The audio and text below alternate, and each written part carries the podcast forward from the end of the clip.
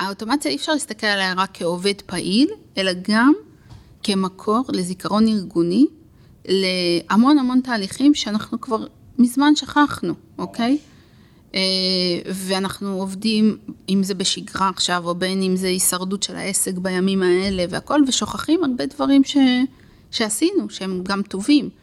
ו, ואוטומציה היא מעין, מה שנקרא, הוצאה מהבוידם לפעמים של כל, ושמירה ושימור של כל הזיכרון הארגוני של החברה.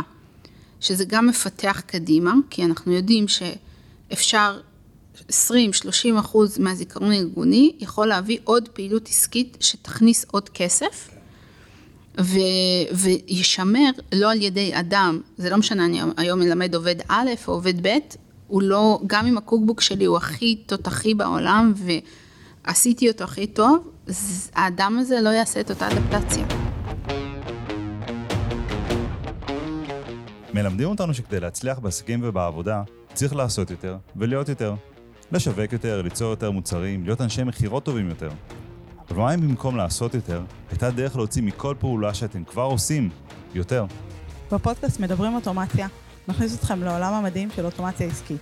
נשמע איך הכלים, השיטות, בעיקר ה mindset, מאפשרים לחברות לשפר רווחיות, לגדול בצורה חכמה, להשיג יתרון עסקי על המתחרים.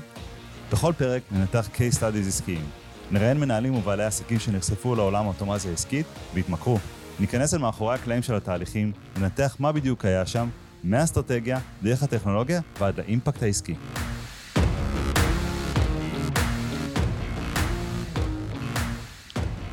היי עינת.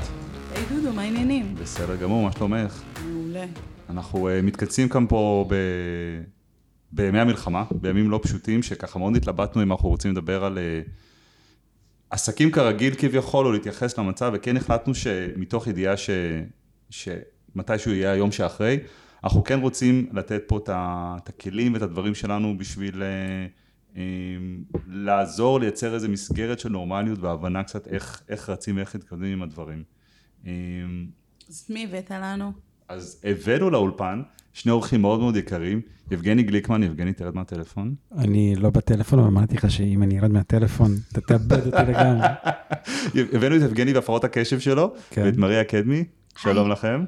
היי. מה שלומכם? מזמן לנדל"ן.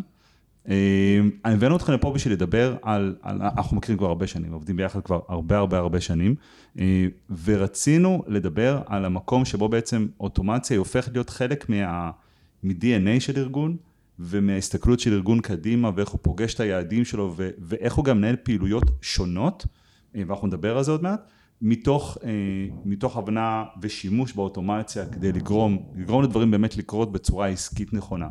לפני שצוללים לדברים, רוצים לספר קצת על זמן לנדל"ן? כן, בואו נספר קצת על זמן לנדל"ן. אז עקרונית, עקרונית זו חברה שמתעסקת בהשקעות נדל"ן. אה, כבר קרוב לעוד מעט 18 שנה, משהו כזה. וואו.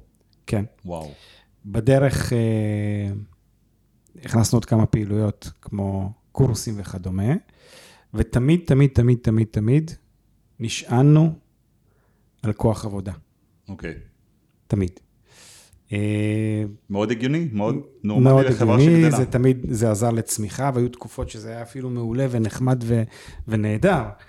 ובסופו של דבר, כשאתה רוצה לקדם את העסק שלך לעבר מטרות מסוימות, ואתה נתקל לצורך העניין בכוח עבודה שהוא פחות מתאים, ואתה לא מצליח למצוא כוח עבודה שהוא מתאים, למשל מה שקורה לכולם, כן. בכל תחום, בכל ש...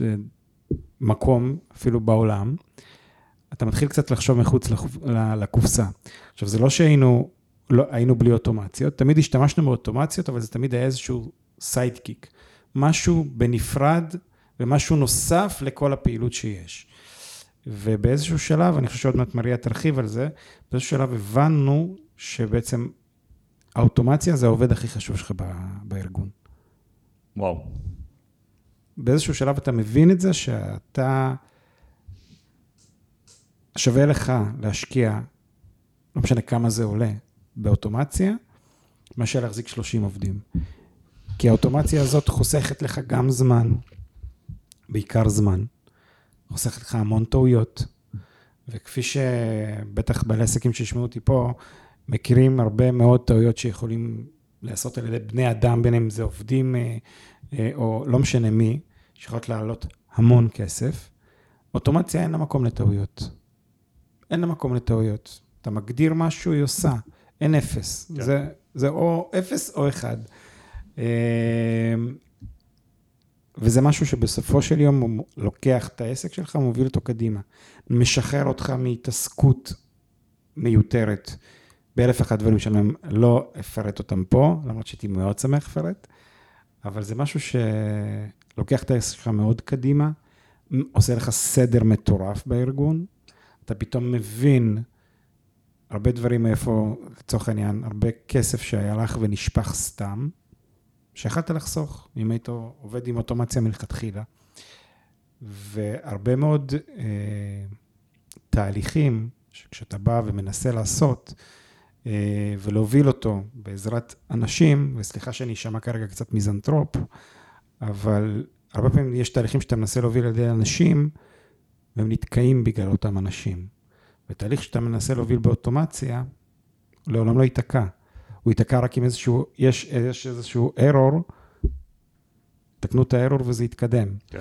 אז אה, זהו, אז אנחנו היום עסק אוטומטי בנדל"ן. עכשיו, מה זה עסק אוטומטי בנדל"ן?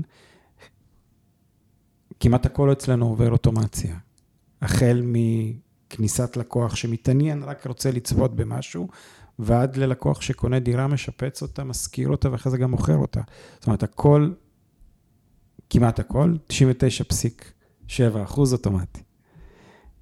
רוצה להתחיל לדבר קצת? כן. יש לי אה, הערה קטנה, אני חושבת גם שאנחנו באים ואנחנו חושבים על תהליך, הרבה פעמים לא, כשאנחנו רוצים לעשות את אוטומטי, אנחנו משקיעים הרבה יותר מחשבה בתהליך. וכשיש לנו עובדים, אז אנחנו אומרים, טוב, אז יאללה, אז תעשה ככה וככה, ו, ו, וזה הבדל מאוד מאוד משמעותי בין לבנות משהו שאנחנו חושבים על כל האספקטים, לבין אה, להגיד לעובד, טוב, אז... אז, אז תשלח להם איזה לינק ואולי הם יסלקו, אולי לא. אני יכול להגיד לך משהו על זה? אם עובדים, אתה חושב בדיעבד, כי אז הם, אתה נותן להם איזה משימה, הם עושים, ואז אתה יכול אתה לחזור מנסה עם לתקן, ריג'קטים, נכון, ואז נכון. בסוף אתה מנסה לשבת ולתקן, ופה, בגלל שאתה בעצם בונה את העובד שלך, אתה בונה מאפס, מוליד אותו, כאילו, כמו שאמרתי, אוטומציה זה העובד הכי חשוב ב- בחברה, הוא, אתה פשוט יושב, חושב, מבין מה אתה צריך, ועושה מבין את הזרועות שאתה צריך, נכון. צריך שיהיו לאותם, אה, לאותה אוטומציה, לאותו תהליך, וזה פשוט קורה. זה גם מקל עליך להוסיף נדבכים. לעובד, תמיד יש איזשהו capacity ביכולות, בזמן, במקצועיות. באוטומציה אין לך אה, משהו שאתה אומר, אוקיי, זה המקסימום שהעובד שלי יכול לעשות. לא. אם נולד צורך חדש, שמהעולמות של, שלי, של השיווק, זה צרכים של הצרכנים שלנו, הלקוחות הפוטנציאליים, הלקוחות שאנחנו רוצים שיהיו לנו, אז תמיד האוטומציה יכולה לה, להוסיף את הלייר הזה, את השכבה הזאת.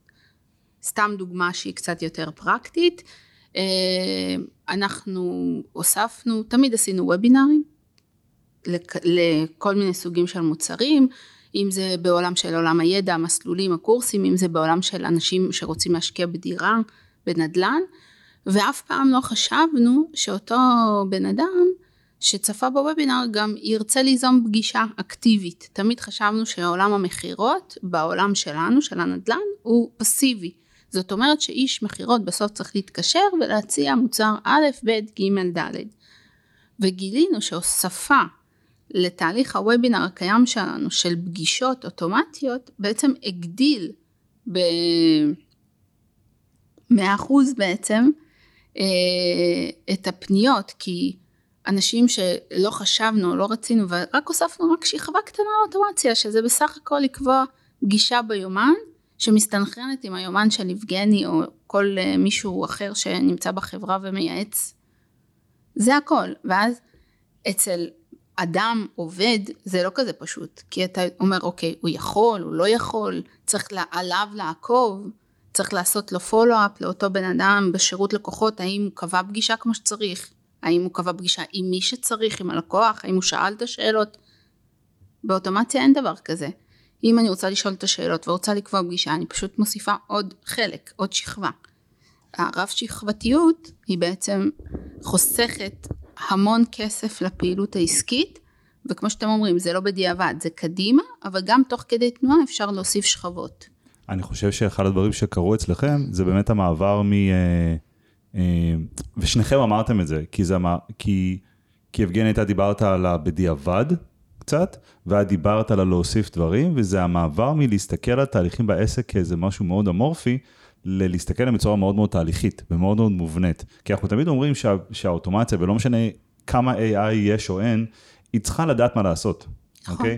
אמ, ועצם זה שצריך להגיד לה מה לעשות, מביא אתכם לחשיבה לפני ולא החשיבה בדיעבד. בעצם זה שכבר עברתם הרבה בדרך איתנו ו- ו- ו- וגם פנימית כ- כ- כארגון, אתם מבינים שזה לא נגמר עד שזה לא נגמר. זאת אומרת, כמו שאמרת, הבאתי מישהו ואז הבאתי אותו לוובינר, אז אני גם אציע לו פגישה, ואז אני גם אשלח לו תוכן, ואז אני גם אשלח לו שאלון, נכון. ואני אעשה את כל הדברים האלה, שכל המטרה שלהם בסוף הוא פשוט תהליך שהוא נכון יותר. והיתרון, שבניגוד ל... אמ, להגיד לבן אדם, עכשיו אתה תתקשר למריה ואתה תשאל אותה שאלות ואתה תמלא את השאלון, ואחר כך הבן אדם הזה קם ועוזב, האוטומציה היא לא קמה ועוזבת. זאת אומרת, גם החורים, אנחנו יכולים לגלות חורים בתהליך שעושה בן אדם, יכולים לגלות חורים בתהליך שעושה אוטומציה. בין אם כ... כי לא חשבנו, ובין אם זה כי הבעיה בתהליך עצמו. אבל כשאתם מתק- מתקנים את החור הזה באוטומציה, זה השקעה לדורות עכשיו. כלומר, נכון. זה לא הולך לשום מקום. בדיוק. תראו, אחד הדברים החשובים באוטומציה זה בעצם שאין לך, נקרא לזה פורס מז'ור. אין את. אין, אין את, את יד האלוהים, נקרא לזה ככה, ואין את אה, יד הבן אדם. הרי כל תהליך שבן אדם מפעיל באופן אקטיבי, נתון לטעויות. כן. נתון לטעויות, נתון לתקלות, נתון לאלף ואחת דברים.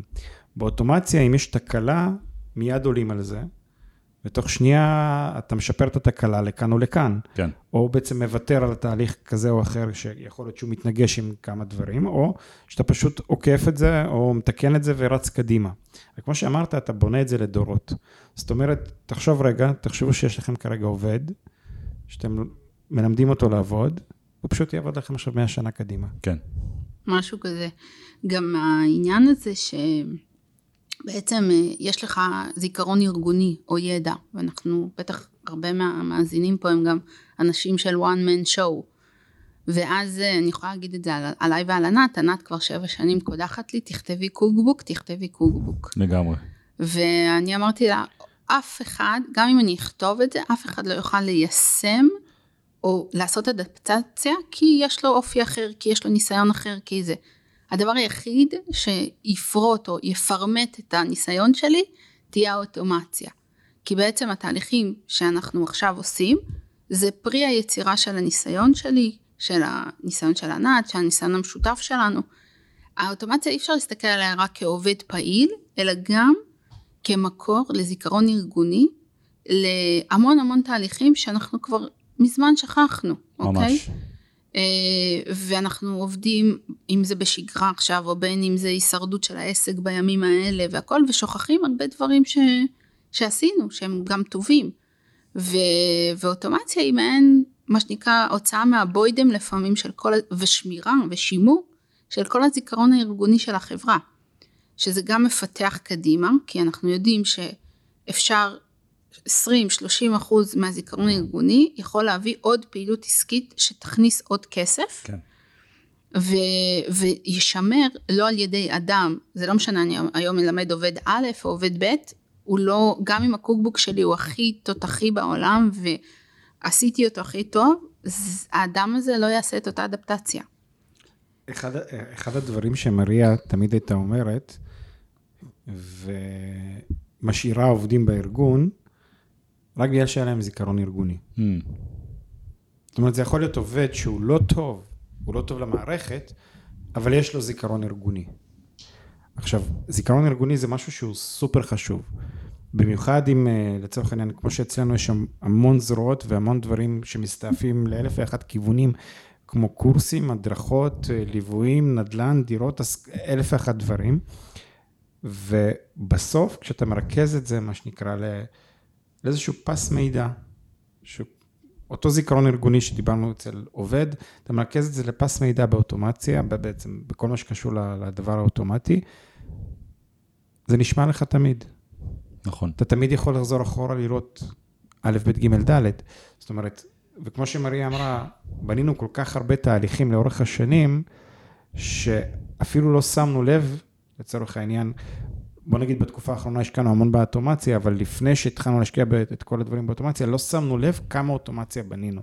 על כמה העסק שלנו היה בנוי על אוטומציות, שבסוף, בסוף, בואו, כאילו כולם פה, כל מי שמאזין לזה, אני בטוח שהוא, יש לו עסק כלשהו כזה או אחר, בסוף זה אמור להתבטא בכסף. נכון.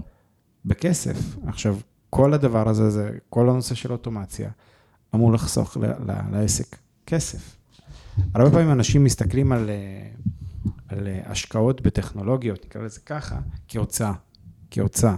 עכשיו, אני לא נוהג להסתכל על זה כהוצאה, אני מסתכל על זה על משהו שהוא בסופו של דבר אה, הוזלה.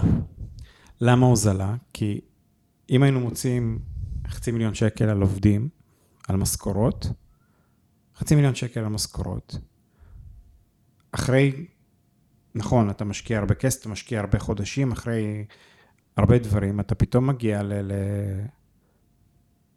למצב שאתה לא צריך את החצי מיליון שקל הזה. כן. שאתה פתאום לא צריך להוציא את ה-500 אלף שקלים האלה עם הסוציאליות ותוסיף את כל המסביב, ואתה יכול לחסוך המון.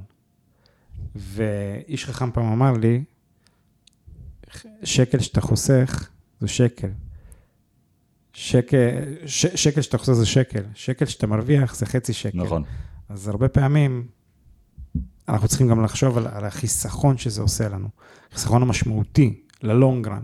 כי בהתחלה, נכון, זה, זה, זה, זה השקעה, זה עבודה, זה המון שעות עבודה של ניתוח של העסק, של ניתוח התהליכים שאנחנו רוצים לבנות, אבל בסוף, בסוף, בסוף, כשאתה מסתכל על זה קדימה, זה נותן לך המון פירות. זה איך, איך, כמו שמריה אמרה, שמאותו לקוח שקבל מייל, מאותו לקוח שנרשם, מאותו לקוח שבסוף בא וסוגר לבד, בלי שום דחיפה של אף אחד. כן. כן, זה גם כאילו קצת אה, לסבר את האוזן לאנשים שאולי נדל"ן זה איזה מילה גדולה כזאת ורחבה, אבל אנחנו מדברים פה על אוטומציה לעסק שהוא לא מוכר אה, מוצרים בשקל ולא בשתיים. אנחנו מדברים פה על אוטומציה לעסק שהוא בפרימיום, מה שנקרא, כן. אוקיי? אנחנו מדברים בעשרות אלפי שקלים ומאות אלפי שקלים שלפעמים בן אדם בא להשקיע. והקונספציה של הרבה עסקים בארץ זה כאילו, אין דבר כזה, אם בן אדם מוציא עכשיו עשרת אלפים שקל, הוא חייב לדבר עם מישהו. אנחנו ישראלים, אנחנו אוהבים לשמוע אחד את השני וכאלה. עכשיו אנחנו תמיד, הרי קצת מאחורה מבחינת ארצות הברית, ואם נסתכל, אנחנו מגיעים לזה גם בשנות האלפיים המאוחרות, פתאום בארצות הברית השתנתה הקונספציה של מוקדי מכירות גדולים וזה, ונהיה יותר דברים במחשב, ומיילים, ו-ICQ, וכל הדברים האלה נהיו בתוך עולם השירות והמכירות האמריקאי. ICQ מריה? נו, מה לעשות, זה ICQ. אני... היא שנות האלפיים, תחילת שנות האלפיים. נכון.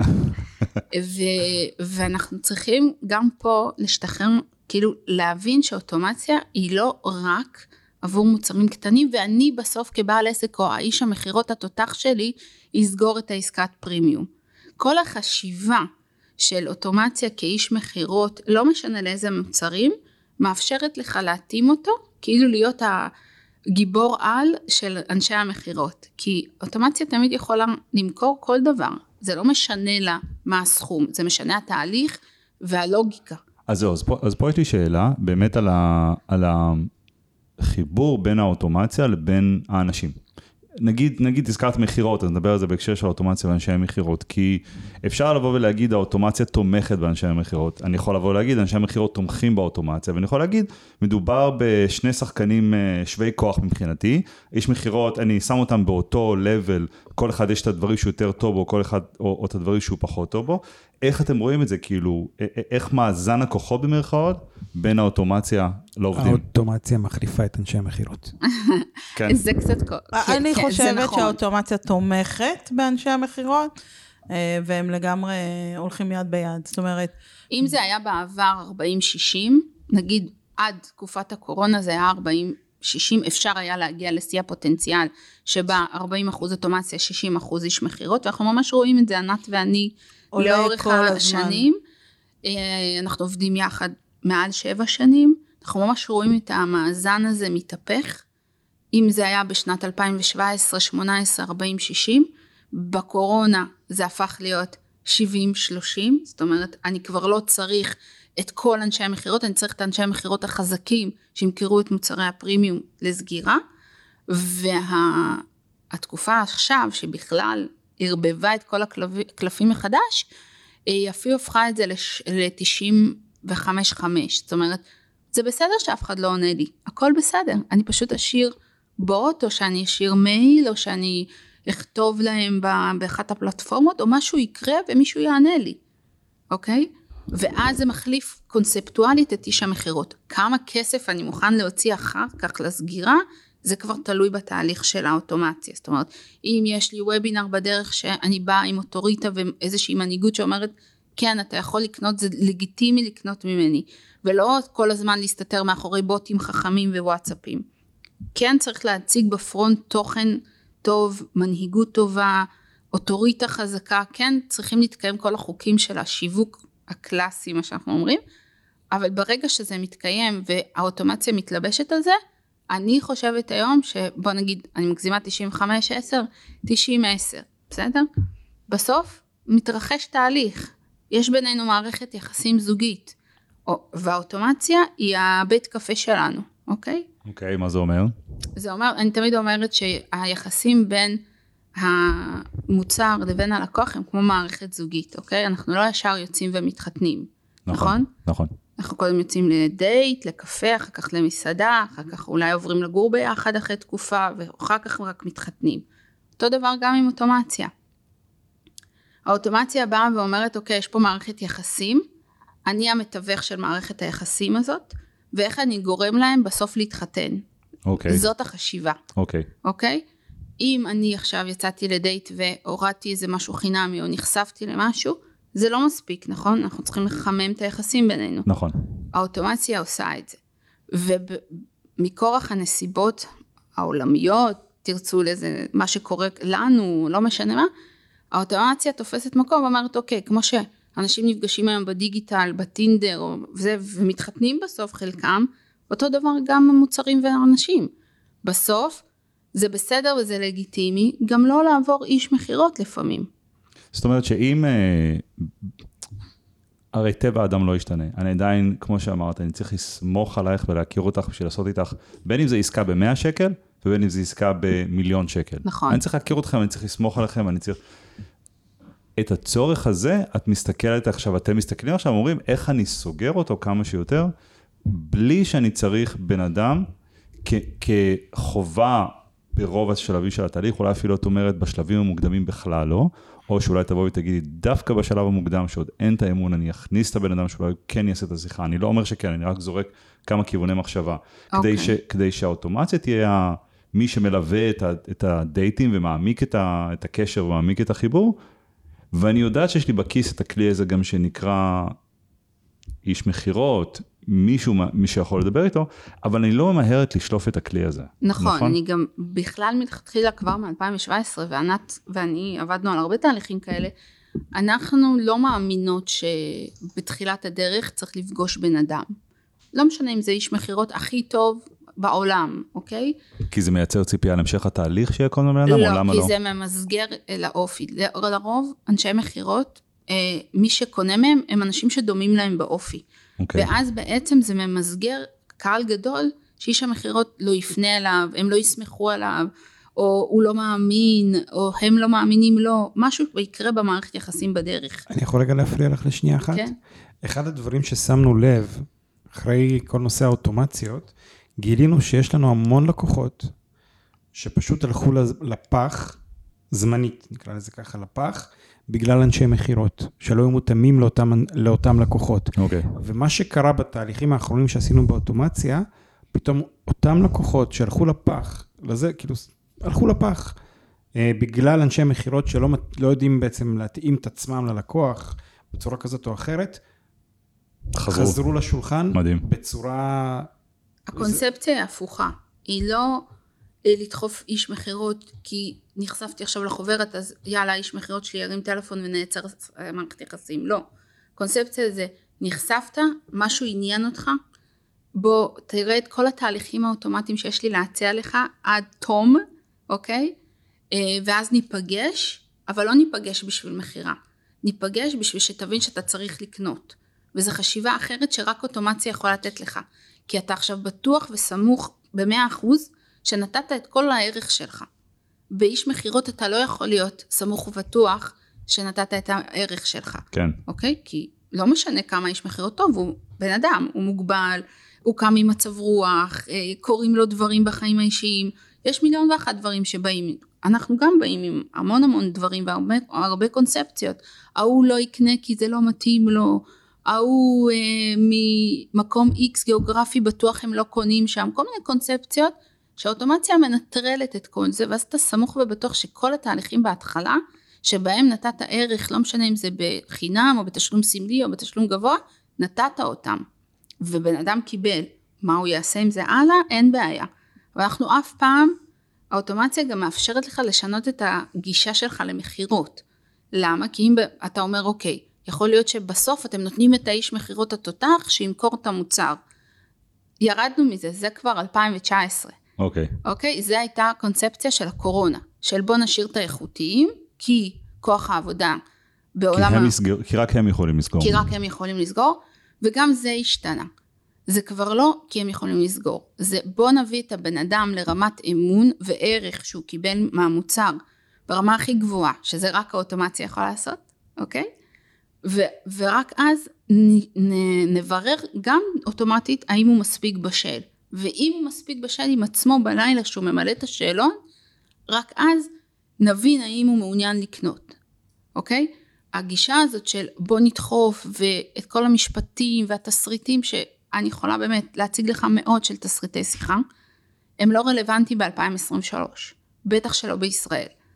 כי הקונטקסט משתנה כל כך מהר, המצב משתנה מהר, ואנחנו צריכים לדעת להתאים את עצמנו. הדבר הכי מהיר שאנחנו יכולים לעשות בכל עסק, זה לשנות את, האוטומ... את הלוגיקה של האוטומציה, כי זה אצלנו בראש. כי זה, כי... זה לא עובד. הרבה, אנחנו רואים הרבה פעמים ש... שתשתית שנבנתה טוב, וזה לוקח זמן, זה לוקח זמן ועבודה נכון. וחשיבה, אבל בתשתית שנבנתה טוב אפשר לעשות מה שאנחנו קוראים לו קפיצות קוונטיות מבחינת התהליך בזמן מאוד מאוד קצר. נכון. זאת אומרת, אני יכול לעשות שינויים, אדפטציות אולי, במה החוויה שבן אדם מקבל ממני לפי התנאים ומה קורה, ואם יש משבר עולמי או מלחמה. אם בניתי את התשתית שיודעת, ואני יודע בדיוק איפה לעדכן את המסרים לדוגמה, נכון. שזה מה שהבן אדם פוגש בסוף, עם כל האהבה לאוטומציה ולברזלים, בן אדם פוגש את המסר בסוף, את החוויה איתנו. ו, ואם התשתית נבנתה טוב, אפשר את זה לשנות הרבה יותר מהר מאשר להושיב את כל האנשי המכירות שלי ולהחליף להם את התסריט בראש ולהכריח נכון. אותם לזכור טקסט חדש. ו, ומה שאת מדברת עליו הוא ממש שינוי תפיסתי, אני חושב שפעם במוקדי מכירות התפיסה הייתה, מתאבדים על כל ליד, סוגרים כמה שיותר מכל ליד שרק נכנס. ברמה הניהולית. בסוף, בדיעבד, כמו שיבגני אמר, אתה מגלה שזה לא נכון. כן. אוקיי? ברמה הניהולית, ברמה הטקטית של מנהלי המכירות, אתה צודק. ברמה הפרקטית של הביצוע, הם מגיעים רק ל-10 או 15 אחוז מפוטנציאל כן. הליד. ואנחנו מדדנו את זה. נכון. זה ממש מספרית. זה לא איזה נתון אה, מצוץ מהאצבע. ממש מספרית אתה רואה שאיש מכירות X, יש לו את ה-Y אנשים שהוא מגיע אליהם, שמסך הדאטה שלך זה נגיעה של מסך הדאטה שהוא קיבל, כן. אולי של 10 עד 15 אחוז. וכל שאר ה-70 אחוז. במקרה הטוב. כן.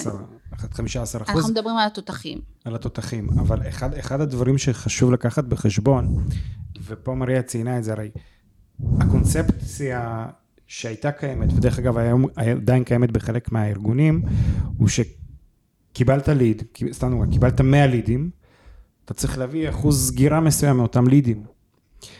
עכשיו, כל ליד מגיע אליך, לא משנה, אתה יודע, תמיד, תמיד יש לך ליד שנחשב יותר חם, ב, ב, אני כן. מסמן כרגע מרכאות, כי לא רואים אותי, אבל זה, יש ליד שנחשב יותר חם, יותר קר, יותר אה, בשל, אלף ואחד דברים. אבל בסופו של דבר זה גם השאלה מתי אתה תופס את הליד. אם עכשיו אתה מתקשר לבן אדם והבן אדם נמצא בסביבה שהוא לא יכול לדבר, והוא מנתק לך לא כי הוא לא מעוניין במוצר שלך, אלא פשוט הוא לא יכול לדבר, כי יש סביבו אנשים ולא נעים לו לדבר על כסף, נקרא כן. לזה ככה סביב האנשים. האיש מכירות, האיש מכירות לא יודע להכיל את זה. יש לו כבר את הסיפור בראש, נכון. סביב למה זה קרה, וזה קשור מאוד אליו, בדיוק. וזה המקום שהאוטומציה, אין לה רגש במקום של אולי אני לא בסדר, אולי אני לא טובה. נכון. אחד הדברים שהאוטומציה עושה, היא גורמת לאותו בן אדם לפנות אליך בזמן הנוח לו. כן. כי בסופו של דבר, בוא, סתם לדוגמה עכשיו, כולנו עסוקים. בזמן שאני יושב איתכם פה, קיבלתי לפחות איזה שתיים, שלוש שיחות מכירה, כאילו שבטח ניסו למכור לי. עכשיו, אם אני עסוק, אני יכול לענות, אבל אם זה משהו שמעניין אותי והכל, אז אני אצור איתם קשר, כשיהיה לי זמן. אותו דבר גם על הלקוחות שלנו ושל כולם. עכשיו, אנשי מכירות הרבה פעמים לא מבינים את זה. הם היו יכולים להיכנס לשיחה עם לקוח כשאין לו זמן, כשהוא לא רוצה לדבר כרגע כי הוא מתבייש לדבר על זה, הכסף על כסף חברים, ליד אנשים. ליד אנשים, ואז uh, בסוף זה מתחרבש, ואתה כבעל עסק מאבד את הלקוח. את הכסף שהשקעת גם. את הכסף שהשקעת. אני חייב לספר לכם, סליחה, זה מוריד את המוטיבציה של אנשי מכירות. מריה היא היחידה שלא הכניסה UTM ים, כי היא אומרת, זה משפיע על אנשי מכירות, אני לא רוצה שהם יראו את זה. אני אשמור את זה ב database נפרד, אבל אני לא אכניס את זה בפרצוף שלהם. נכון. כי אוטומטית, אם הם רואים אם הליד הגיע מפייסבוק, או מיוטיוב, או מזה, זה אוטומטית גורם להם יש כבר סיפור לעשות, בראש. בדיוק, כן. לעשות לידים. מגוגל הם חרא, לידים מפייסבוק הם מעולים, לידים מפה משם. אז אני, בשביל להמחיש למאזינים שלנו מה זה באמת עומד בפועל, זה אותה בריכת לידים שיצרנו בעצם. מה זה אומר? אה, באנשי מכירות אתה לא יכול לעשות את זה. יש לידים שהלכו לפח, ויש לידים שהם בטיפול, ויש לידים שהם הצליחו למכור. זה פחות או יותר כן. שלושת העולמות שבהם אנשי המכירות מתנהלים. ואנחנו, בגלל שאנחנו חסידי אוטומציה, אמרנו שיש עוד עולם מקביל. מה שיבגני אמר, העולם של הלא לענות, אוקיי? ויצרנו מעין בריכת, בריכה עילית של אותם לידים שלא לענות, והיינו שולטים בגלל האוטומציה בשעות שהם לא ענו, בלמה הם לא ענו, כמה פעמים הם לא ענו. כשאת אומרת שולטים, הכוונה מתעדים ומתחקרים, או מה הכוונה שולטים? לא, אנחנו, אחרי התיעוד והתחקור, יצרנו פילטרים, אוקיי? יצרנו דאטה, שבו גם בשליטת האוטומציה לשחרר לי מאותם לידים שלא ענו איקס כמות שאני רוצה לאותו יום, אוקיי? כן. גם לנתח את הדאטה ולפלטר אותה, במרכאות לפלטר, לפי, לצורך העניין, אני רוצה את כל האנשים שלא ענו בשעה 11 עד שעה 1, ונותנת את זה ל- אה, לנסות, לאיש מכירות, למשמרת ערב. למשמרת ערב, מדהים. למשל. יש כל מיני פטנטים וכלים לעשות את זה. עכשיו, יתרה מכך, אנשים שלא ענו בכלל, הם נכנסים לאיזשהו pool או database של תוכן, כמו שאתה אומר, ובסוף, אם הם מאמינים לי, הם חוזרים. כן. הם חוזרים לבד, אבל אני כבר יודעת מה ההיסטוריה שלהם. וכשהשיחה, בסוף אולי מתנהלת איזושהי שיחה, אם היא מתנהלת, אז זה בא ממקום שהבן אדם כבר אומר, אוקיי, לא עניתי לו, אבל זה מעניין אותי עכשיו, זה, זה משהו שבא לי טוב. אה, ואני יכולה להגיד שבשלושת החודשים האחרונים, הרבה, אחוז מאוד גבוה מהאנשים שקבעו או עשו איזושהי פעולה, זה אנשים שאיש מכירות לא הצליח לתפוס אותם, מכל מיני מדהים. סיבות. ואנחנו יודעים לתעד את זה. התיעוד באוטומציה הוא גם דרמטי, אוקיי? תמיד אומרים, התיעוד, נכון, הקונספציה של הגופים הגדולים זה מה שאיש המכירות אה, מתעד הוא הדבר החשוב. מה שהוא מתעד במלל חופשי, נכון? בכל מערכת אה, CRM כן. יש מלל חופשי ועד היום המשווקים או אנשי שיווק וסמנכ"לים היו אומרים מה שאיש המכירות מתעד זה הכי חשוב. אבל זה לא נכון. כי זה מה שהשתנה, זה הקונספט שהשתנה. בסוף התהליך שהבן אדם עבר אצלי ומה הוא קיבל ממני ומה לא, זה מה שחשוב. אז על, על זה אני באמת מלביש את, את מה שאמרת, שאם נבין מה התהליך ומה אנחנו רוצים שיקרה, ואז מה האוטומציה צריכה בשביל שהתהליך הזה יקרה, נבין איך אנחנו רוצים שאנשי מכירות נכון. יתעדו ומה הם יתעדו. והייתה לי שבוע שעבר, א', קפץ לי יבגני משהו לראש תוך כדי שדיברת, אני חייב לזכור להגיד את זה כי זה מהבוקר וזה, וזה כל כך התחבר לי שזה כל כך קפץ לי שדיברת. אני בגיל ששוכחים, אני מקווה שנזכור, אז אני אומר את זה לכם. אמ, אבל ישבתי שבוע שעבר עם, אה, עם חברה שאנחנו מלווים כבר הרבה זמן, וישבתי עם מנהלת מכירות, בשביל לייצר איזה, איזה סטנדרטיזציה סביב תה- המסרים בתוך תהליך המכירה. כי נוצר מצב שבו כל איש מכירות עושה מה שהוא רוצה, אמ, ויש איש מכירות שהוא מאוד מאוד אה, אמ, פיינשמקר על, על המיילים ועל הנוסחים, ולוקח לו, והוא לא ישתמש במיילים האוטומטיים, הוא ינסח מייל פרטני ללקוח, וזה יהיה נורא נורא אישי וזה מדהים, אבל זה גוזל המון המון זמן, קשה לשכפל את זה, ואתה גם לא בטוח שזה מביא לתוצאות, וזה בטח גוזל זמן משיחה עם, עם לידים אחרים. ואחד הדברים שהראיתי להם זה תהליך שעשינו אצלנו, ב pipe שלנו, ב CRM שלנו, שבעצם אה, כשאני מדבר עם לידים פוטנציאליים ואני רוצה לשלוח להם פרקים רלוונטיים בפודקאסט, נוצר לנו גוף תוכן כזה שכבר... כמעט בכל שיחה יש לי משהו שהוא רלוונטי לאיזה פרק כלשהו. ותמיד הייתי אומר, טוב, אחר כך שולח להם, כותב להם איזה אימייל כלשהו, והולך לחפש את הלינקים לפרק הספציפי בפודקאסט, הנה לינק לפרק 7, לינק לפרק 13, לינק לפרק 20, ו, וזה היה מאוד מאוד סיזיפי. ועשיתי תהליך ב pipe שלנו, שפשוט פותח לי טופס, אני אה, בוחר את הפרקים הרלוונטיים, ויש לי שם מקום למסר אישי, אוקיי?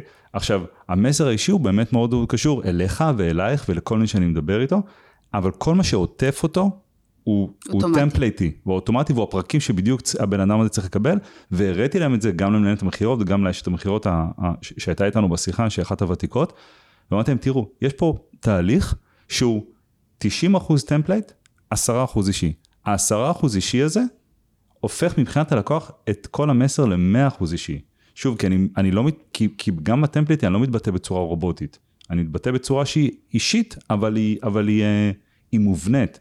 ו, וזה המקום שאוטומציה יכולה לעשות את זה שוב והיה ושוב להם ושוב. קשה לעכל את זה. הם עפו על זה. כן, הם קיבלו שיעורי קשה. בית עכשיו לעשות את זה נכון, אבל אנחנו אצלם גם. כן. ב-2023. תחשוב שענת דווקא פתחה את זה, אנחנו עשינו את הטמפלטיזציה שהאוטומציה יכולה לעשות, ואני חסידה של טמפלטים, כן, כי במיוחד בשירות לקוחות. הבנו מהר מאוד בשנת אי שם ב-2018, שאיש שירות לקוחות יכול להיות איש מדהים. באמת, לכתוב מיילים כמו שאתה אומר, הכי מדהימים בעולם. once הוא עוזב, זה לא משהו שנשאר. נכון. אז עם השנים אספנו ואספנו ואספנו לאור הניסיון, והיום אה, השירות לקוחות שלנו עובד רק עם טמפלטים. באישור מיוחד מאוד, שהוא צריך להגיע אליי, יש אישור לשלוח מייל שהוא ספציפי. מדהים. יש טמפלט להכל. ואז יש גם תיעוד שהוא, מה שאתה אומר זה 100% אישי ללקוח, אבל זה מותאם ללקוח ואני יודעת שזה א', מגובה מבחינת המסרים של החברה, מגובה מבחינה משפטית, מגובה מבחינת השירות לקוחות, שזה לא משנה אם היום זה משה או דוד, זה עדיין יהיה זמן לנדל"ן, לגמרי. שיוציא את זה, ואני אעמוד מאחורי הדבר הזה.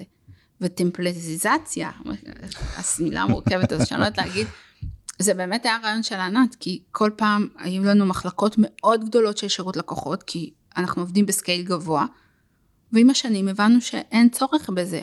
היום יש בן אדם וחצי, פעם היו שבעה אנשים בשירות וואו, לקוחות. זה דרמטי. ואני לא מדברת על פעם לפני עשר שנים, אני מדברת על לפני חמש שנים. כן.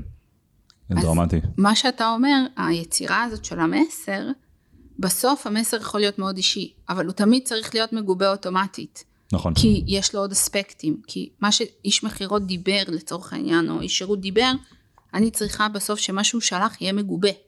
וגם יותר מזה, אם אני אומר לאיש מכירות או איש שירות, זה לא משנה, אה, הקנבס שלך זה האימייל, תכתוב באימייל מה שאתה רוצה, אנשים ישר מתחילים לחשוב אימייל זה משהו, אין, אין, אין לאימייל הגדרה, אימייל יכול להיות שלוש מילים ואימייל יכול להיות אלף מילה, וכמה זמן משקיע בפונטים ומה ב bold ומה לא, אבל אם אמרתי לו, מגרש המשחקים שלך הוא התיבת טקסט הזאת שיכולה להכיל עד 100 מילים, אתה אוקיי? עוד אה, חמוד, אני אני לא חמוד. מאפשרת בכלל מסר אישי. אוקיי, כי אני חושבת שזו אינטרפטציה של בן אדם, שהוא לא מייצג את העסק ולא מסתכל מלמעלה, אתה במקרה הבעלים כן. של העסק.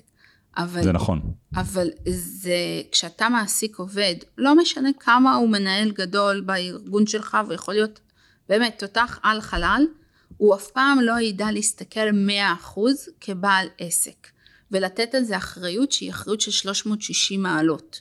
ולכן אני, טמפלט, אצלי זה עד המילה.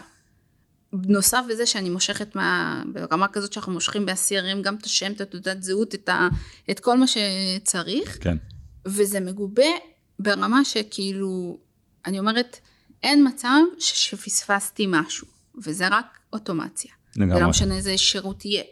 אז אני חייב להגיד לכם מה היה לי הבוקר.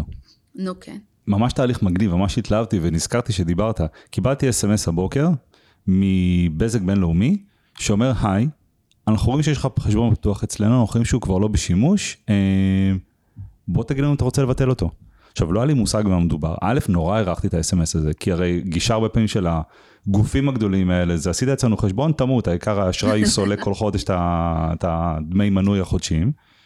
ונכנסתי לפורטל של בזק בינלאומי, כי אמרתי, רגע, במה מדובר? לא לבטל איזה, חש... את האינטרנט בבית. ו... ולא הצלחתי להבין שם, היה שם כפתור לשיחה עם נציג, וזה הקפיץ לי את הוואטסאפ לנצ... לשירות לקוחות, וכתבתי שם את הפנייה, את השאלה שלי, ובאמת ענתה לי נציגה אחרי איזה כמה דקות, והיא אמרה לי באיזה, היא, היא לא בדיוק ידעה באיזה חשבון מדובר, אבל לפי התשובה שענתה לי הבנתי, ואמרתי לה, כן, תבטלי, זה בית ש... שעזבתי לפני זה... כמה חודשים כבר. ואמרתי לה, מעולה, תבטלי. היא אמרה, מעולה, אני מבטלת, אולי אתה רוצה, דרך אגב, יש לנו עכשיו בנדלים מאוד מעניינים ל, לאינטרנט וטלוויזיה. עכשיו, מה היה פה? היה פה איזה טריגר מהצד שלהם, ב-CRM שלהם, במערכות שלהם, שגרם לתקשורת מולי, שהביא אותי, ואתה דיבר, למה נזכרתי? כי דיברת על מתי שנוח ללקוח, הוא הביא אותי לשיחה, הוא הביא אותי לשיחה שאני קיבלתי בערך, כלומר, א', נורא הערכתי את זה שהם שלחו לי את ה-SMS הזה, וב', הם, הם חוסכים לי כסף. ומתוך זה היא רצה למכור לי. עכשיו, ספציפית... מתוך זה באו, עכשיו ספציפית לא קניתי כי זה לא רלוונטי לי, אבל נורא, אבל א' היה לי תהליך מכירה נעים, באמת היה לי תהליך מכירה נעים, והיא לא ניסתה לעשות לי פושינג, אמרתי לה אני לא רואה טלוויזיה בבית גם ככה, היא אמרה אוקיי תודה רבה, רק תתן לי, אם אתה יכול לתת לי שירות טוב, ב, אה, ציון טוב במשוב. הייתה לי חוויה נורא נעימה לעומת מה שאנחנו מכירים. של אנשי מכירות שמתקשרים ובפוש כל הזמן מנסים לדחוף לך בוא תקנה אינטרנט בוא, בוא תשדרג בוא תשדרג עזבו אותי והיו לי מספיק שיחות כאלה אז. אה ועוד דבר בנוסף לזה אני אחד הדבר הזה עובד בסקייל על העשרות ומאות אלפי לקוחות שלהם נכון. וזה עובד וחלק קונים וזה מדהים וזה תהליך מכירה. הליד מגיע בזמן שמתאים לו. הוא אומר כן או לא להצעה. אה, ובין אם הוא קנה ובין אם זה לא, ואני שונא שדוחפים לי, אבל הייתה לי חוויה נעימה. אבל זה היו גופים גדולים שהבינו את זה? זה לא רק גופים גובים, שנייה, סליחה, הם פשוט תשכח, אז אני חייב להגיד משהו. אמרת פה משפט שאתה שונא שמוכרים לך. פעם הקונספציה הייתה, זה לקחת את הלקוח, לתפוס אותו בגרון ולדחוף לו כל מה שיש לך. עם כן. חיבור אישי. בלי חיבור לדחוף כל מה שיש לך. היום אתה לא מוכר, הלקוח קונה. נכון. וזה משהו, ש, וזה משהו שבסוף, אנחנו היום נמצאים במצב שאנחנו לא אוהבים שימכרו לנו. אנחנו לא אוהבים שדוחפים לנו, אנחנו לא אוהבים ש, שמישהו מתקשר ומציק לנו. אנחנו רוצים לקנות בזמן שלנו, בדרך שלנו. וזה משהו שחשוב לזכור, שאוטומציה, כמו, ש, כמו שאתה אמרת על הסיפור שלך, שהאס.אם.אס הזה, השירותי כביכול הביא אותך, ושם אותך במעמד מכירה בלי שתשים לב, אבל אותו דבר, גם מה שאצלנו האוטומציה עשתה, היא גורמת ללקוחות לקנות מבלי שאתה מוכר. אז, אז שני דברים, אחד אתה צודק והדיוק שעבר לי תוך כדי שדיברת על זה, אני לא באמת לא אוהב שמוכרים לי, אני שונא שדוחפים לי. נכון. אני דווקא, אני שיש תהליך מכירה טוב, נכון. אני מה זה נהנה. ו... אבל אנחנו צריכים לזכור שאנחנו בעולם, בישראל, כן? הגופים הגדולים תמיד לומדים מחו"ל ועושים אדפטציה ובעצם מחנכים את השוק. אבל אנחנו דווקא רואים שהגופים הקטנים הם אלה שרצים מהר, מהר, אבל זה. בסוף בעל העסק מאוד חרד, שאם הוא לא ידבר, או איש המכירות הכי תותח שלו, לא יעשה את האקט הזה של הפוש, שזה עדיין הרבה עסקים לא אה, הבינו, אז אני אאבד אותו, אני אאבד את הליד, אני אאבד את הזה. אין את הביטחון, אה, לנו יש תמיד ב, בישראל את הביטחון כבעלי עסק על ה-people skills שלנו. יש לנו כישורים של מכירה, של שירות, של שיווק, והאוטומציה כאילו קצת לוקחת לך את השליטה. ו, והרבה עסקים באמת מגיעים עד ה... לא מגיעים, לא עושים את האנד גיים כמו שעשו בבזק בינלאומי. אוקיי. Okay. הם עושים הכל באוטומציה, רצים, רצים, רצים, אבל בסוף סומכים על עצמם. ובאוטומציה... מה זה אומר? הם, הם לא מציעים? הם לא באים ועושים את העוד, את ה, את צעד? את ה, אני אתן לאוטומציה עכשיו לקבוע לי פגישה של משקיע שמוביל לי כמה מאות אלפי שקלים. הם לא יעשו את זה, אוקיי? הם לא ילכו עם זה עד הסוף. כי הם מפחדים, וזה בסדר. עסקים מפחדים לשחרר עד הסוף כן. לקוח כזה בשל, או כזה, ליד כזה בשל. אבל האוטומציה קצת אומרת לך, כאילו בוא, בוא רגע נשמה, את, אני גם יכול לשלוט פה בעניינים, אבל אתה צריך לתת לי לשלוט בעניינים. בדיוק, בדיוק. ו- וזה מאוד מאוד חשוב, זה תהליך פסיכולוגי שבעלי עסקים צריכים לעבור. אתה אומר, נכון, הרבה עסקים עושים אדפטציה מהר, אבל הם צריכים לתת ל end game לקרות. אז כשאנחנו התחלנו לעבוד ביחד, אה, אתם הייתם, שוב, מתייחסים אלינו כ- כהחבר'ה של האוטומציה שיחברו, לפעמים הייתם אומרים לנו אפילו הדברים של, היי, יש לנו וובינר מחר, כן. מה קורה עם ה-3444 נרשמים, למה אין להם לינק? והיינו fuck, רצים ועושים את כל החיבורים בלילה, ו- ו- וזה עבר מנקודה כזאת למצב של, אוקיי, הנה, הנה, ה- הנה המהלך שאנחנו מתכננים, בואו בוא תשתלבו ותדאגו שהכל עובד עד יום כזה וכזה, והשלב באבולוציה שלשמחתי אנחנו נמצאים בו זה, הנה לאן אנחנו רוצים להגיע, בואו נחשוב ביחד איך אנחנו מגיעים לשם. נכון. איך עושים את השינוי המחשבתי הזה למי שעכשיו אה, מקשיב ואומר, כן, גם אני רוצה, אני מפחד לשחרר, כי, כי, אז גם אתם פחדתם לשחרר, זה לא שאתם טרללי טרללה, נכון. העסק יתנהל והכל יהיה פנן, לא, אתם מאוד... אה, כשיש לך בעסק אה, איש שיווק שזה עיקר העיסוק שלו, כן, הוא מאוד מפחד לשחרר. אז איך עושים את זה? איך עושים את זה? אה, בדם יזע ודמעות, סתם. נראה לי אה, בעצם, אני חושבת שצריך למצוא שותף לדרך. אה, ברגע ש... ככל שאני ומריה התקרבנו יותר, וככל שהיא הבינה ש... אני יכולה לשחרר את השליטה. בדיוק, כאילו, ברגע שהיא... דווקא סליחה, היא לא שחררה את השליטה. להפך, זה נתן לה יותר שליטה. כן, וזה בדיעבד. משהו, וזה משהו שצריך להבין, שבסופו של דבר, אמנם זה נראה כאילו אתה עכשיו משחרר את, ה, את העסק שלך ל, ל- לעבוד לבד, נקרא לזה ככה. או עם לא, לא. שותף לדרך. או עם שותף לדרך. ממש לא, היא פשוט יודעת שזה מה שיקרה. נכון. אין פה תחומים אפורים, זה לא שאוטומציה תשלח משהו אחר, אלא זה או אפס או אחד. ו- נכון, וברגע אבל ש... זה הרבה אה, ניסיון והרבה הבנה שכוח האדם שאתה מאוד האמנת בו וכמנהל שיווק אתה רוצה כמה שיותר אנשי תוכן וכמה שיותר אנשים יצירתיים וכמה שיותר אנשים שימכרו את הרעיון שלך זה בעצם קונספציות ישנות, אוקיי? היום אה, אני לא רוצה יותר אנשי מכירות שימכרו את הרעיון שלי, אני רוצה שהבן אדם יקבל את מקסימום הערך. זה בכלל שינוי בתפיסת ההגדרה של החזון של העסק, נכון. אוקיי? כשאתה חלק מהחזון, אני תמיד אומרת חזון אתה צריך לה- להגדיר בשלוש נקודות, בשלושה בולטים. אם זה מסתדר אז כנראה שיש שם כסף. אז אחד מהבולטים זה תמיד, זה איך אני עושה את זה אוטומטית. וזה הרבה ניסיון והרבה הובלה, שהיום אם אני יכולה להגיד מהניסיון שלי, כאילו בוא נעשה fast forward עכשיו, זה להבין אוקיי, אני לא יכולה לחלוש על הכל, אני לא יכולה כל היום לעשות, להכשיר סביבי בני אדם שיהיו כמוני, או שיתפקדו כמוני, או שימכרו את מה שאני רוצה שימכרו, לא, אני רוצה שזה יופץ בסקייל כמה שיותר רחב, ומי שרוצה לקנות יגיע. זה הכל עניין של תפיסה בראש, ובאמת למצוא שותף לדרך.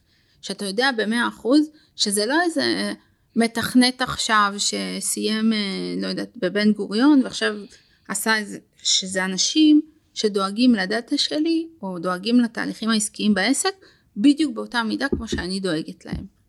אז פה, בגלל שאנחנו פודקאסט של אוטומציה, כן אני רוצה לדבר קצת על ה... עם- כאילו להדגיש עוד פעם את, ה, את המשמעות של עולמות ה-no code וה, והעולמות שקיימים, כי, כי לעשות תהליכים ואינטגרציה בין מערכות זה תמיד אפשר, וכמו שאמרת אפשר לקחת אנשים ש, שיבנו את זה ברמה תכנותית, אפשר לעשות הרבה דברים.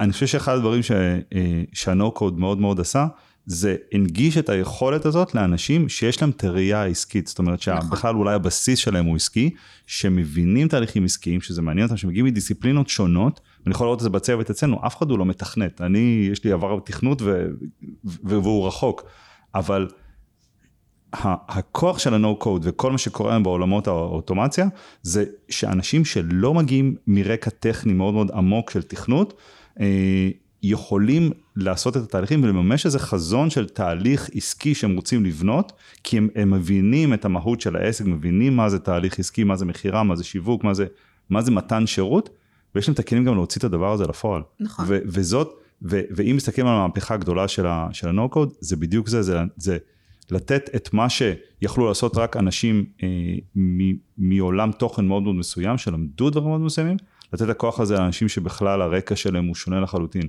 ותמיד, תמיד, כשמחברים בין שני דברים שונים, יוצאים דברים נורא מעניינים.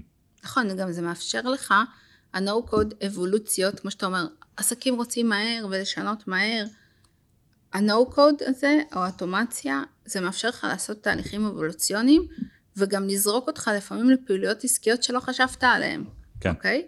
נגיד, סתם דוגמה, אס- אספנו איקס תלמידים בקורס מסוים, בסדר? אה, ופתאום הבנו שהקורס הזה אה, צריך אה, עוד חיזוק של מאמן עסקי, שזה בכלל עולם התוכן של אותו קורס. זה היה כל כך קל לעשות את האדפטציה ולהוליד עוד מוצר של ליווי עסקי, ש... שבעולם של מכירות מסורתיות הייתי צריכה לכנס את כל האנשים לקבוצת מיקוד, כמו שקוראים אצלנו בעולם הפרסום, ולהתחיל להסיק מסקנות. פה זה יכול לקרות בשבוע. אנחנו ישבנו עם ענת, מיפינו את התלמידים שצריכים עזרה, שלחנו להם סקר, איקס תלמידים ענו, ראינו את ההיצע מול הביקוש, תמחרנו את זה, הבאנו את האדם המתאים, שלצורך הדוגמה הוא לא היה צריך להיות רק יועץ עסקי, אלא גם צריך להיות רואה חשבון, כי זה בסוף אנשים שפותחים עסק עצמאי. כן, כל הדבר הזה קרה בכמה ימים. מדהים. מה שבעבר, בתהליכים שאני דינוזאור בעולם הפרסום, היה יכול לקחת חצי שנה בשביל לעשות את הפלט הזה. האבולוציות קורות מאוד מהר בנו קוד, א', כי זה מאפשר לאנשים מכל מיני דיסציפלינות, כמו שאתה אומר, שהם לא זה, לחשוב פתאום על הפעילות העסקית שלהם לעומק ולהוליד דברים חדשים, הם יכולים להיות מאוד יצירתיים, כמו יבגני, שהוא בא מעולם הנדל"ן ופתאום חושב על איזה מוצר, כי הוא כבר יודע שהאוטומציה פשוט תפלוט לו את המידע שהוא צריך. היא תתמוך בי. כן. כן. לא, היא, היא, היא, זה גישה, זה גישת ה... איך, איך כן, ולא גישת למה לא. כאילו, כי אתה יכול, לבוא, אתה יכול לבוא עם רעיון כלשהו, ואנשים סביבך יכולים להוריד אותך ולהגיד לך, אה, עזוב יבגני, זה מסובך, לא זה. הגישה של האוטומציה היא איך כן, והגישה של ה mindset של האוטומציה, כי האוטומציה בסוף היא, היא, היא משהו שמוציא את זה לפועל, אבל הגישה של ה mindset הזה הוא איך כן, אוקיי, איך כן, ולא תמיד זה פשוט, וגם לא תמיד זה בצד אחד, ולפעמים, ויצא לנו יותר מפעם אחת לקוחות שרצו לעשות תהליכים, שלא לגמרי הבנו, ולקחו איזה כמה חוד, חודשים של עבודה בשביל להבין, אה, אז הדבר הזה שדיברנו עליו פעם, שהוא היה איזה פנטזיה, זה בעצם הבלוק הזה והבלוק הזה, ואם נחבר ונעשה תהליך כזה, זה, זה. זה הדבר שרצית. העובד שאנחנו מכירים, עובד שלי, תמיד היה בא ואומר לענת, תקשיבי, צריך א', ב', ג', ד', ואי אפשר לעשות את האלף, ב', ג', ד'. אז אני אמרתי לו, שאם אתה רוצה להשיג את המרב מהחבר'ה האלה, אתה פשוט צריך להציג את החזון, ואחר כך שהם יפתרו את הבעיה. ככה זה בעצם עובד השותפות, אוקיי? אתה בא ואומר מתוך העסק מה אתה צריך, והם מוצאים את הפתרון, ולא אומרים לך למה לא. כי אנחנו לא בעולם של תכנות, אנחנו בעולם של יצירת תהליכים. אבל זה לוקח זמן להפנים, נכון. להפנים את זה. אני אה, רציתי להגיד ש, שזה לטוב ולרע, זאת אומרת, זה גם לבוא ולהוציא מוצר חדש תוך כמה ימים, אבל זה גם להבין שהמוצר לא עובד. נכון. ולא השקעת עכשיו חצי שנה, ואז תמשיך ותתאמץ למכור, אבל הוא לא עובד. בסדר, אז הוא לא עובד נקסט. וזה נותן לנו המון המון גמישות מבחינה עסקית, אה, להוציא דברים החוצה ולבחון אותם בצורה מאוד מהירה, נכון. ולקחת גם צעד אחורה ולהגיד, אוקיי, זה לא מתאים, בוא נמשיך הלאה. נכון, זה גם, כמו שאתם אומרים, אנחנו נמצאים בתקופות משוגעות, עכשיו אנחנו בימי לחימה, אה, מחר אנחנו נהיה בימי שלום, או הלוואי על כולנו, אה, והדברים השתנו, הצרכים השתנו של האנשים, והם משתנים מדקה לדקה היום, כי יש משהו ויראלי, כי יש טרנד, כי יש מלחמה, כי יש עכשיו אה, קורונה, או לא יודע, דברים משתנים. ולכן המוצרים שלנו צריכים להיות מאוד אדפטיביים. אוקיי? הם לא צריכים לצאת מליבת הפעילות, אבל הם צריכים להיות אדפטיביים. וצריך מהר מאוד לגלות האם זה כן עובד או לא עובד. נכון. והאוטומציה נותנת לך את זה ברגע.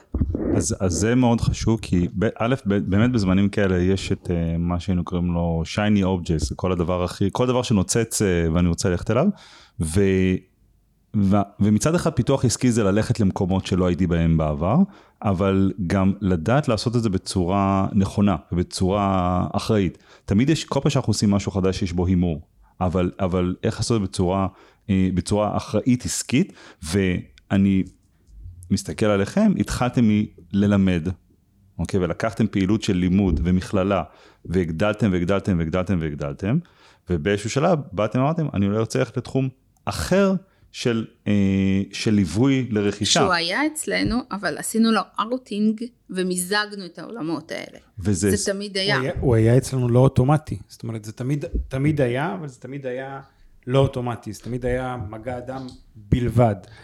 ובסוף, בסוף, בסוף, כמו שמריה אמרה, הרי הדברים כל הזמן משתנים, וכל ה... בעצם, כל אותו בסיס שבנינו ל- לקורסים ולאותם דברים, בשנייה שוכפל לאותו, לאותו שירות, לאותו תהליך. כן, בשנייה, כי זה, כי ללוות, כי ל- למכור לבן אדם קורס וללוות אותו בתהליך לימוד, זה שונה מללוות בן אדם בלקנות נכס ול- ולהחליף נורות ו- ולעשות חישובי מס עם רואה חשבון. זה, כן, זה אבל הדאטה. הבסיסי שלו, הדאטה הבסיסי שקיבלנו, אותו לצורך העניין לטובת קורס, הוא קיים, נכון? זה אותו אדם שמגיע מאותו מקור, או whatever.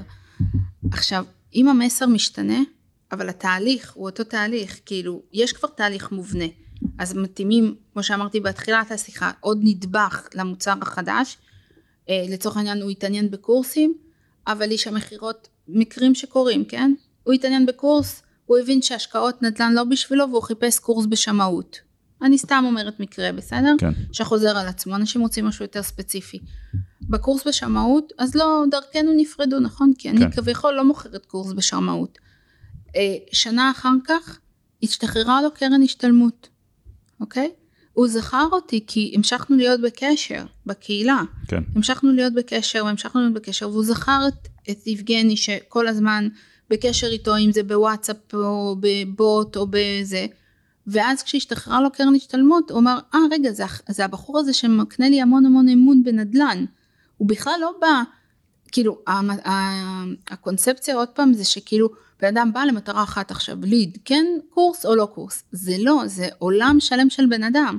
עכשיו השתחררה לו קרן השתלמות והוא רוצה להשקיע בנכס זה כבר לא משנה שהוא יתעניין בלימודים המשנה זה מערכת האמון נכון. שנוצרה שאני יכולה לתחזק אותה בסקייל גבוה רק באמצעות אוטומציה נכון. זה הרעיון. זה מערכת אמונות ופרדיגמות ומחשבות וחלומות של אנשים, ולא הליד כן התעניין או לא התעניין. ומשם גם נבעו ההכשרות של אנשי מכירות, או שהוא מתעניין לפי הפרמטרים שלי, ואתה יכול למכור לו, או שאתה לא יכול למכור לו. והרבה אפור באמצע נפל, כן. וכשהוא נופל זה הרבה מאוד כסף שנופל. כן. לסיכום, לדעתי, אני אגיד שאוטומציה זה חובה לכל עסק, אה, גם בשלב התכנוני שלו. למשל, בן אדם עכשיו בא לפתוח עסק, הרבה פעמים אנחנו, סתם עכשיו בגלל שאנחנו נמצאים בימי לחימה, אז אנחנו חושבים על הרבה פעילויות נוספות. וכשבן אדם בא לפתוח עסק, הרי הוא מתכנן כמה כוח אדם הוא ייקח, אה, פעילות של כל דבר כזה או אחר, הוצאות או הכנסות. אז לדעתי, אחד הדברים החשובים, במיוחד לאלה ששומעים אותנו, שעכשיו מתכננים לפתוח עסק, ולא משנה במה, תחשבו אוטומטי. אתם תחסכו הרבה זמן וכסף, הרבה זמן וכסף, הרבה כאב ראש, ולעסקים שנמצאים כרגע ב... עסקים מבוססים או עסקים שעובדים כבר שנים, ההמלצה שלי, תבחנו את העסק שלכם, מה שנקרא, תעשו רגע זום אאוט ותראו מה אתם יכולים להפוך לאוטומטי. אה, למה אתם יכולים לעשות אוטומציה? כי בסופו של דבר הדבר הזה יחסוך לכם הרבה זמן, יחסוך לכם הרבה משאבים, ויכניס לכם קצת יותר. כן. נראה לי שאוטומציה זה, זה מה שנקרא הבחינה הכי טובה לזוגיות שאתה כבעל עסק יכול לעשות בימים האלה. זאת אומרת, איפה הבן זוג הזה שקוראים לו אוטומציה יכול להשתלב לי בחיים. ואם הוא ישתלב לך ביותר מחמישה אה, אופנים בעסק, אני תמיד אומרת, אז כנראה שהוא הבן זוג המושלם שלך.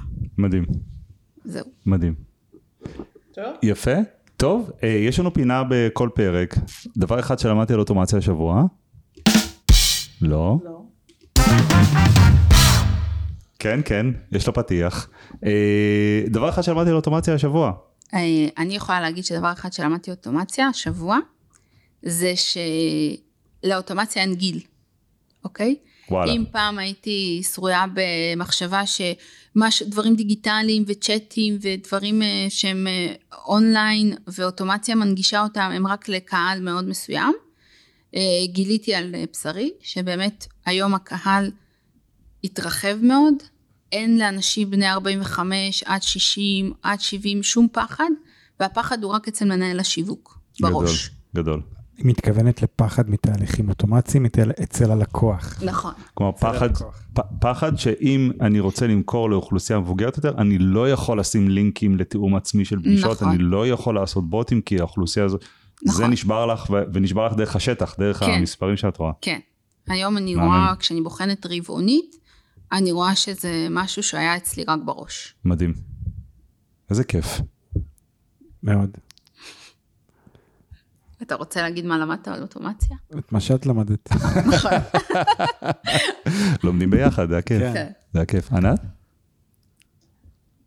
יש לי משהו, אני לא יודעת אם אמרתי אותו כבר. אה, תגידי ונדע. אה, באיירטייבל, דיברנו על זה? וואי, ענת כל כך יסודית, כאילו המאזינים לא כן. רואים, היא ממש רשמה בטלפון. נכון. אחרת אני לא זוכרת. אה, באיירטייבל יש אה, משהו חדש, יש פיצ'ר חדש, שמאפשר בעצם לסמן אה, מהו ה record האחרון שהצטרף לשורה. שאנחנו בעבר עשינו על זה, אפילו כתבנו איזה סקריפט שיביא לנו, ועכשיו אפשר לבחור איזה, מה אנחנו רוצים, הראשון או האחרון. זה... מה הכוונה?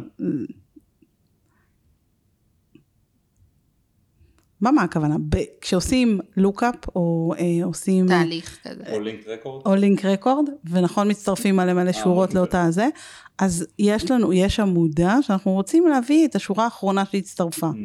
אז אנחנו יכולים לשלוט בזה, אם אנחנו רוצים את האחרונה או את הראשונה.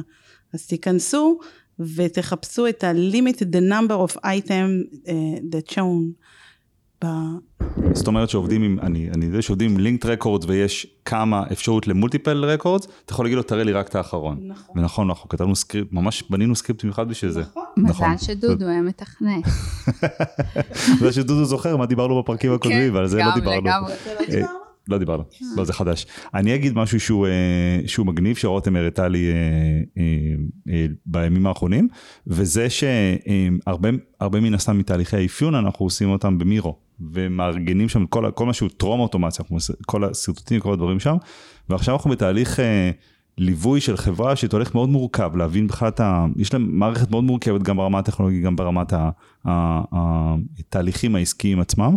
ועולות לנו המון המון המון שאלות, ואנחנו עושים את הכל במירו, כי יש שם גם את התהליכים, גם רושמים את השאלות, אחר כך מארגנים אותם באימייל, לשלוח אותם ל- לאנשים הרלוונטיים, ורותם מה שהראתה לי שאפשר לשים תגיות שונות, שתגית יכולה להיות uh, מכירות או CRM או שם המערכת הספציפית, או אנחנו קובעים את התגיות מה שהם יהיו, ואז שאפשר בלחיצת כפתור לקבל את כל השאלות בפעם אחת, זאת אומרת, לאותה קטגוריה? כן, זאת אומרת אני יכול, טוב. יש לנו נגיד מסמנים אה, שאלות, יש בתהליך אחד אה, דברים שקשורים ל-CRM ולהנהלת חשבונות ול, ולשיווק, אז ממש שמים כאילו אוי, קומנט ליד. כל אחד, ואז, ב- ואחד מתייגים כשיווק, אחד כ-CRM, אחד כ... ואז בלחיצת כפתור אפשר לקבל את כל השאלות ב- בצורה מרוכזת, וממש אנחנו שולחים ככה מיילים אה, מאוד אה, מפורטים על אה, שאלות, אז זה זה היה מאוד מגניב, ממש מגניב. כן. יופי. תודה. יבגני בריאות. ומריה, תודה רבה, כיף לארח. אתכם. גם לנו היה כיף להתארח. תודה רבה. תודה. ביי. ביי.